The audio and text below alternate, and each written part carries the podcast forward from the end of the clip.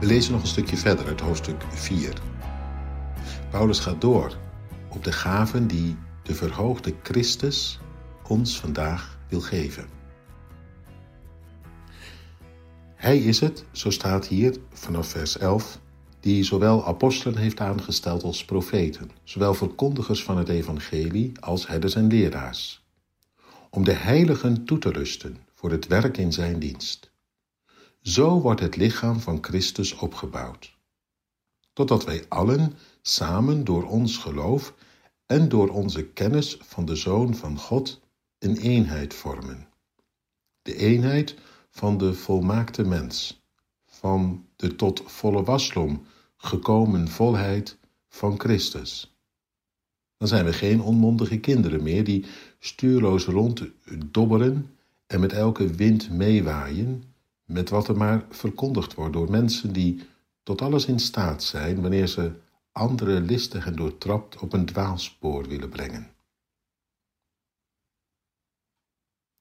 Dan zullen we ons aan de waarheid houden en elkaar liefhebben. En samen volledig toegroeien naar Hem die het hoofd, die het hoofd is, Christus. Nou, dat zijn volzinnen.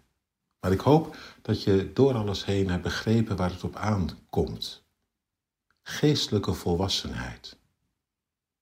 De gaven die gegeven zijn, de rollen die zijn toebedeeld aan de verschillende mensen, profeten, verkondigers van het evangelie, herders en leraren. Nee, ze worden niet gegeven om die mensen in de lucht te steken, integendeel. Ze mogen die rol vervullen om anderen van dienst te zijn. Heel nederig. Want dat moet je wezen als je de ander van dienst wilt wezen. Heiligen wilt toerusten. Dat doe je niet uit de hoogte, dat doe je met een uitgestoken hand. Dat doe je met veel geduld, met aandacht en zorg. Mooi als het er zo aan toe gaat.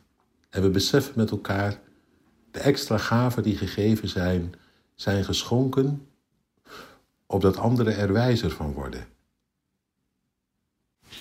Erdoor verder worden geholpen. Daardoor opgroeien tot volwassenheid. Zodat ze niet langer door allerlei wind van leer kunnen worden meegevoerd. Onmondige kinderen blijven, die niet helemaal weten hoe het zit, hoe het moet, die alles kunt wijsmaken. En daardoor zomaar eh, op dwaalsporen terecht kunnen komen. Prachtig als je daar samen voor gaat. Je voelt wel aan, dat vraagt ook het nodige gebed. Om zo elkaar van dienst te zijn. Maar, zo staat hierbij, en dat vind ik wel heel erg mooi, als we daarvoor gaan, dan groeien we toe naar ons hoofd, Christus. Worden we krachtig in de waarheid en krachtig in de liefde. Ik moet even denken aan wat ik een keer hoorde over een peloton. 28 mensen die elkaar van dienst zijn, voor elkaar instaan, elkaar verder helpen. Als moet optreden als één man. Daar gaat zo'n kracht van uit. Zoiets. Ik denk dat Christus het graag ziet. Dat zo de kracht van zijn geest zich manifesteert in zijn lichaam op deze aarde. Dan kunnen mensen die listig en doortrapt ons willen afleiden, het vergeten. Dan loopt de boze zelf op Gods gemeente stuk. Mooier kun je niet krijgen.